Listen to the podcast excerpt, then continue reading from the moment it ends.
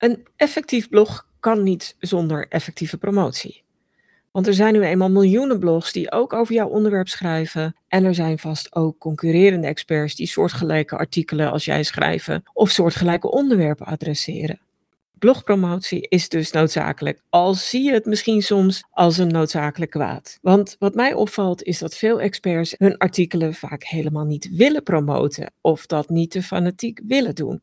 Maar gelukkig zijn er ook heel veel subtiele en minder subtiele manieren om je blog en artikelen te promoten en veel lezers te krijgen. Daarover vertel ik je graag meer in deze aflevering van de 100% Expert Podcast. Mijn naam is Linda Krijns en als content marketeer help ik kennisprofessionals en bedrijven om hun expertise beter vindbaar en zichtbaar te maken.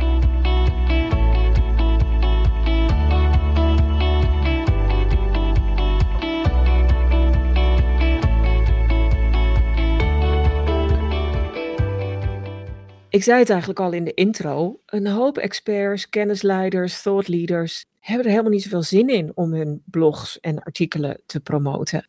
Ze vinden vaak dat hun kennis voor zich moet spreken. Maar helaas zitten we wel in een wereld waarin gewoon zoveel artikelen verschijnen en gepubliceerd worden. Elke dag, elk uur opnieuw. En natuurlijk hangt het er een beetje af van het vakgebied waarin je opereert. In hoeverre je heel veel concurrentie hebt of je wat minder concurrentie hebt. Maar wat mij opvalt is dat heel veel pareltjes van artikelen toch vaak een sluimerend bestaan leiden.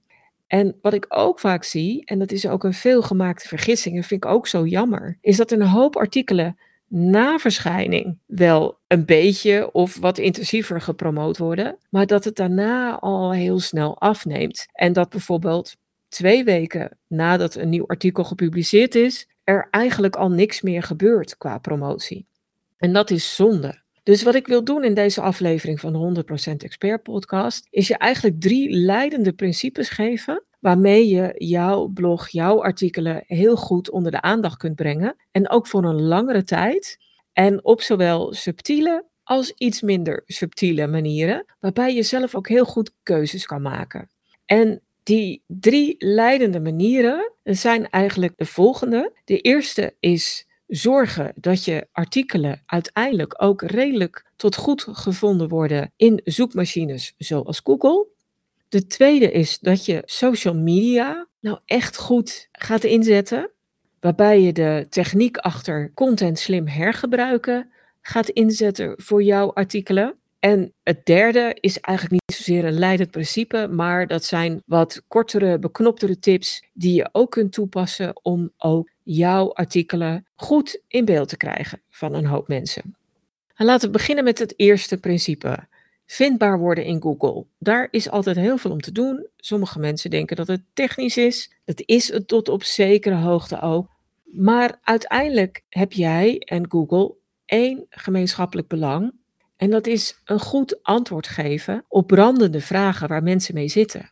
En als je die gemeenschappelijkheid qua belang als uitgangspunt neemt, dan is het heel goed mogelijk om jouw artikelen vindbaar te krijgen in een zoekmachine. Het hangt wel van een paar factoren af, maar wat je eigenlijk wil en wat Google wil, is dat het beste antwoord op een zoekvraag zo hoog mogelijk in de zoekmachine terechtkomt. Want dat is waarom mensen Google gebruiken. Ze willen antwoord op een vraag. En wat nou als ze die niet goed vinden of als er eerst gewoon waardeloze antwoorden komen, dan gaan mensen misschien wel weg van Google en gaan ze een andere zoekmachine gebruiken.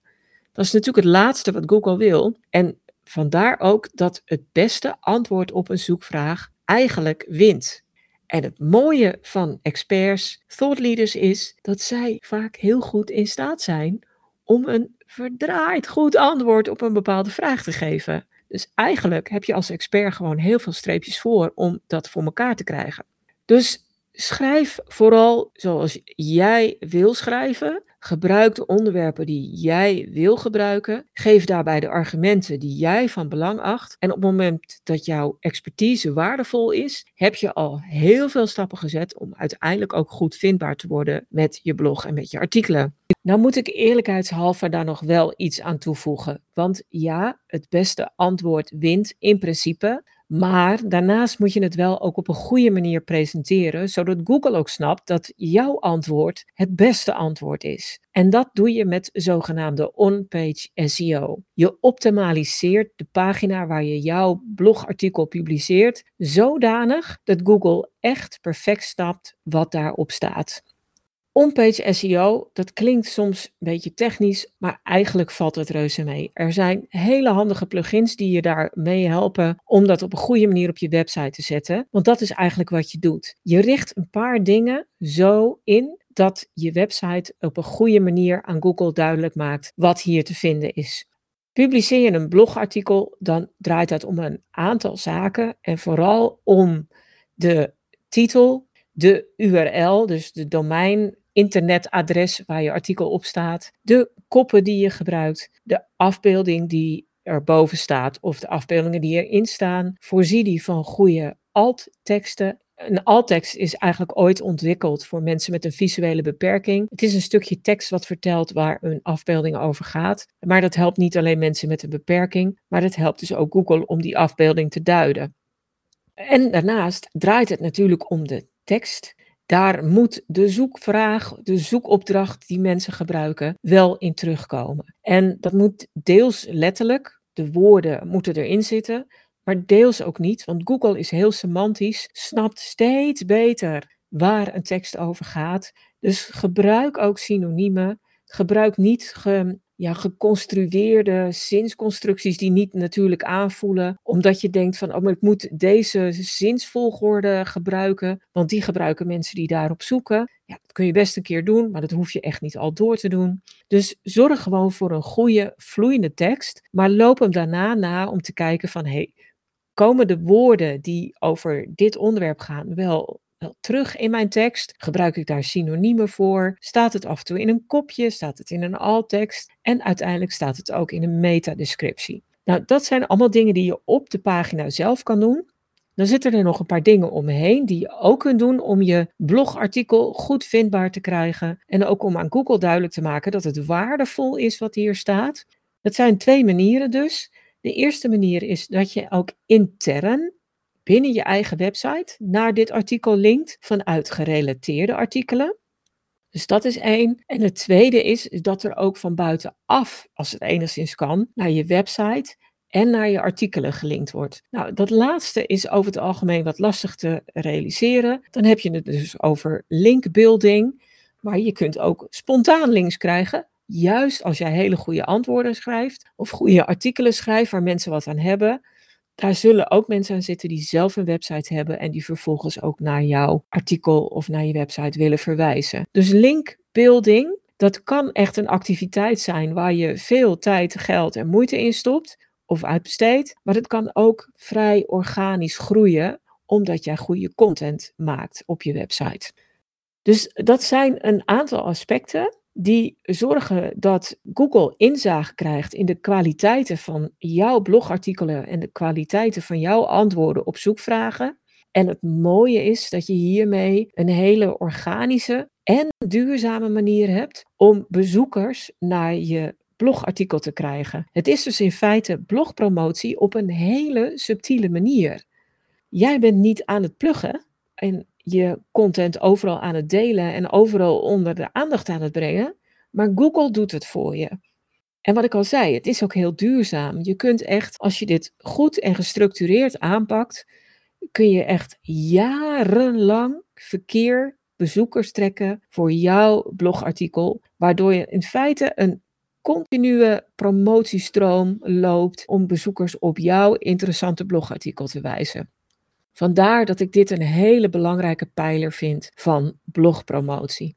Dan een wat mindere subtiele manier van blogpromotie. Maar hoe subtiel of hoe onsubtiel die is, kun je nog wel heel erg goed zelf beïnvloeden en sturen. En dat is het principe dat je social media gaat inzetten om gedurende een langere tijd je nieuwe blogartikel of artikelen onder de aandacht te brengen. En daarvoor heb je het principe achter content slim hergebruiken nodig.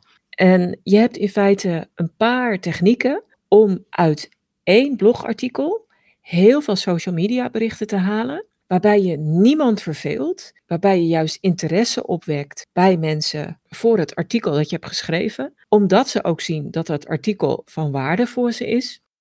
Door je artikel op allerlei slimme manieren te hergebruiken, kun je ook hele gevarieerde social media berichten inzetten. En die kun je dan over een langere periode ook inzetten. En dat is iets wat niet vaak gebeurt, want wat ik heel vaak zie is dat als iemand een blogartikel schrijft of als een bedrijf een blogartikel laat schrijven, dan wordt dat artikel gepubliceerd en dan wordt het in de week of twee weken nadat het verschenen is, één, twee, één of twee keer op verschillende social media kanalen onder de aandacht gebracht. Komt het in de nieuwsbrief en dan houdt het eigenlijk wel op.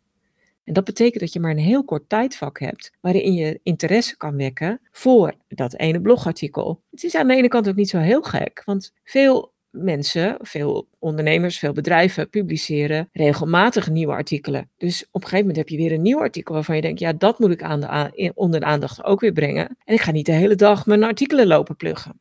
Nee, klopt. Maar er is een tussenweg. En die tussenweg is dus content slim hergebruiken. Je blogartikelen steeds opnieuw inzetten en steeds op een iets andere manier. En dat doe je met de technieken van content hergebruiken. Want in feite zijn daar vijf technieken voor.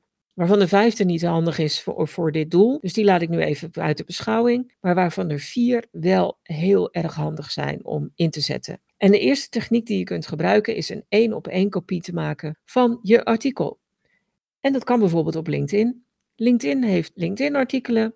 En daar kun je in feite een artikel, nadat je het op je website hebt gepubliceerd, en dan zou ik wel één of twee of misschien drie dagen wachten, langer mag natuurlijk ook, eigenlijk integraal kopiëren. Je hebt niet helemaal dezelfde opmaakmogelijkheden als die je op je eigen website hebt, maar LinkedIn heeft er toch wel redelijk wat, waardoor je heel goed jouw blogartikel als LinkedIn-artikel kunt publiceren. Dat kan op een persoonlijk profiel, als jij de expert bent en jij bent de auteur van een artikel. Het kan ook op een LinkedIn bedrijfspagina. Die één op één kopie, die kan je misschien zometeen ook gebruiken op Twitter. Want ik neem deze podcast op in september 2022. En Twitter is al een paar maanden een, een nieuwe optie aan het testen. Dat zijn de Twitter Notes. En zo te zien gaat dat op dezelfde manier werken als op LinkedIn, waarbij je een heel artikel op Twitter kan plaatsen. Ik ben heel benieuwd hoe dat er in de Twitter-tijdlijn uiteindelijk uitkomt te zien. Daar ben ik nog niet helemaal achter. Maar wat ik zag is dat je wel gewoon een titel, tekst, afbeelding, etc. op Twitter kan plaatsen. En dan lijkt het misschien ook een beetje op de oude Facebook-notities, waarbij je dat ook kon doen en waarbij je vroeger ook een één op één kopie kon maken. Dus mogelijk heb je zometeen twee mogelijkheden, maar in elk geval heb je één social media kans voor een één op één kopie en dat is op LinkedIn. De tweede techniek die je qua content hergebruik kunt inzetten, is dat je een samenvatting maakt. Dat kan een korte samenvatting zijn, die je bijvoorbeeld op Twitter kan gebruiken. Dat kan een langere samenvatting zijn en je kunt ze natuurlijk ook variëren en combineren. Dan heb je twee typen samenvattingen. En langere samenvattingen kun je in combinatie met een sterke afbeelding goed gebruiken ook weer als een LinkedIn bericht, waarbij je bijvoorbeeld een linkje plaatst naar je artikel. Dat kan op Facebook, het kan op Instagram, alleen daar kan je dan het linkje niet plaatsen. Dan moet je via link in bio doen of je moet een andere manier gebruiken, maar over het algemeen kan dat niet.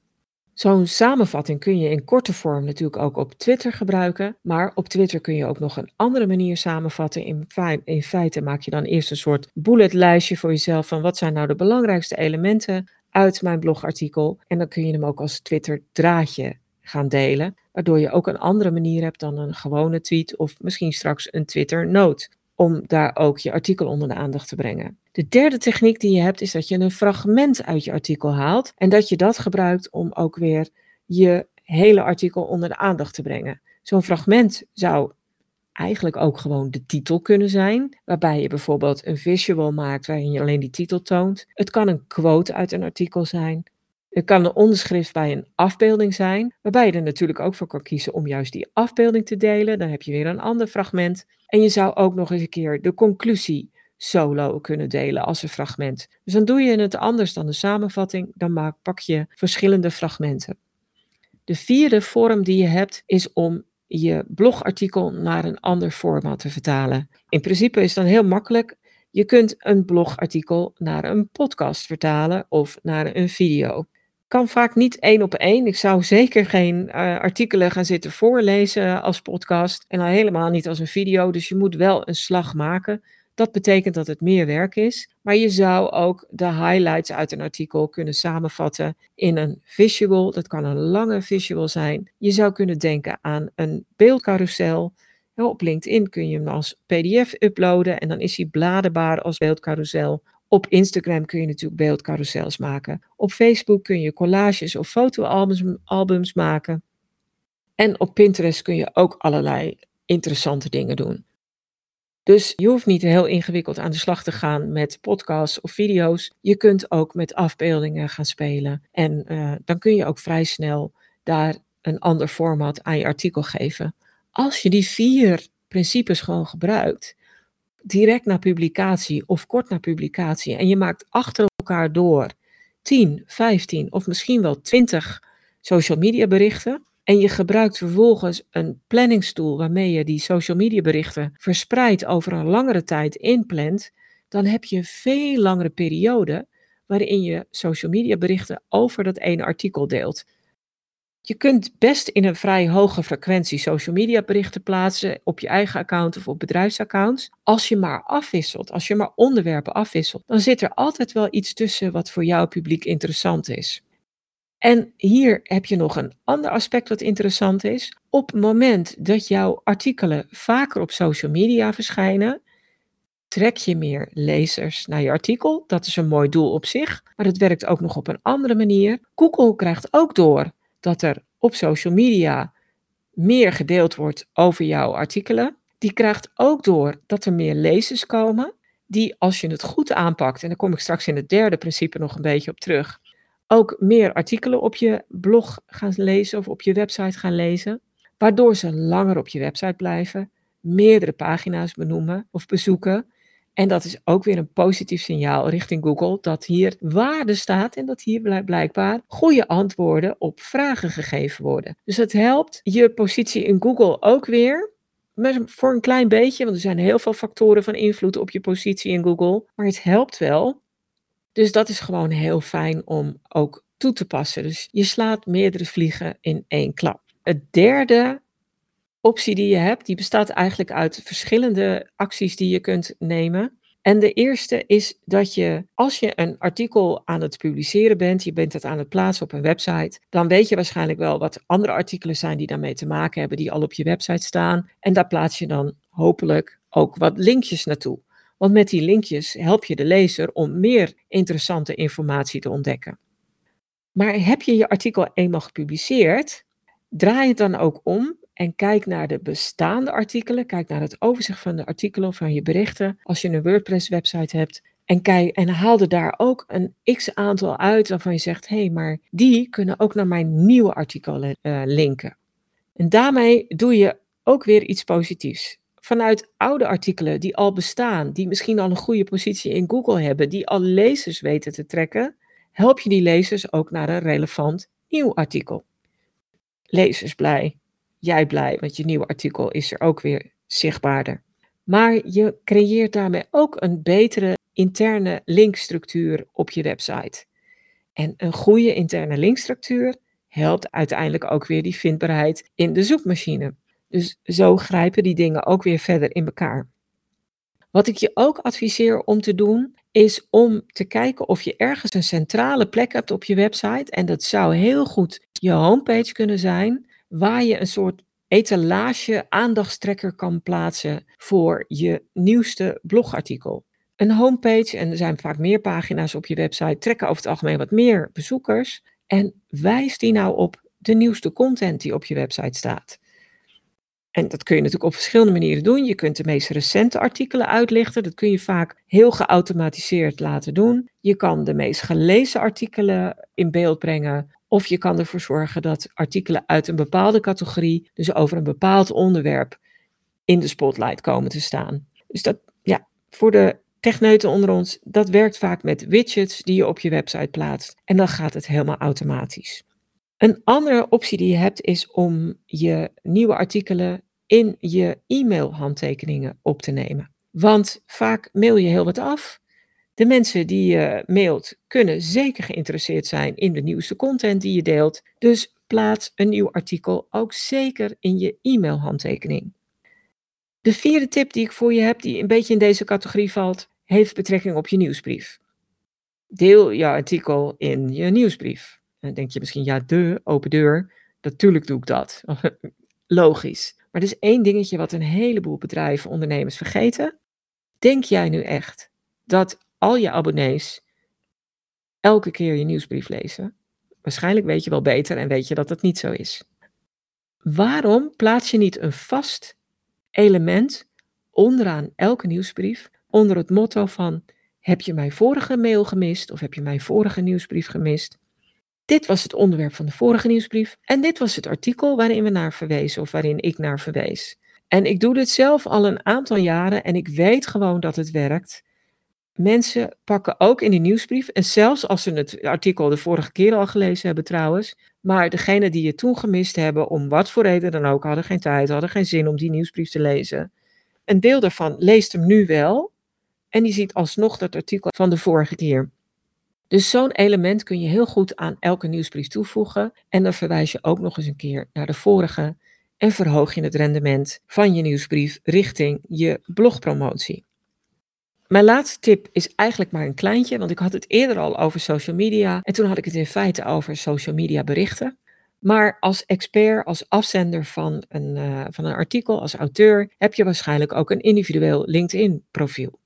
En op dat profiel heb je nog twee secties sowieso waarin je jouw recente artikel ook onder de aandacht kan brengen. Dus even los van een bericht wat je schrijft, wat in de tijdlijn van je connecties komt. Je hebt ook een uitgelicht sectie. Nou heb je misschien je artikel op van je website al één op één gekopieerd naar een LinkedIn-artikel. Dan kun je dat LinkedIn-artikel een plekje geven in je uitgelicht sectie. Maar je kunt er ook een link naar het artikel op je website plaatsen in die uitgelicht sectie.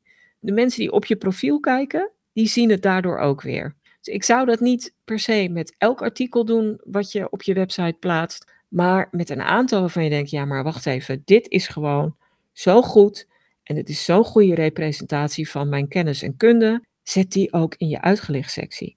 En eventueel kun je hem ook in de sectie van je ervaring plaatsen, waarbij je um, dus het bedrijf waarvoor je nu werkt, dat heeft in principe een eigen onderdeel in die ervaringssectie. Daar kun je ook multimedia-achtige zaken bij plaatsen, zoals afbeeldingen, video's. En dan kun je dus ook weer het artikel onder de aandacht brengen. En net als bij die uitgelicht sectie geldt dat ik dat niet, wat mij betreft, niet altijd doe. Bij elk nieuw artikel hangt een beetje af hoe vaak je artikelen publiceert. Maar ook dat kan weer zichtbaar zijn voor de mensen die je profiel bekijken. En het kan net weer eventjes wat extra ogen en lezers naar je blogartikel sturen.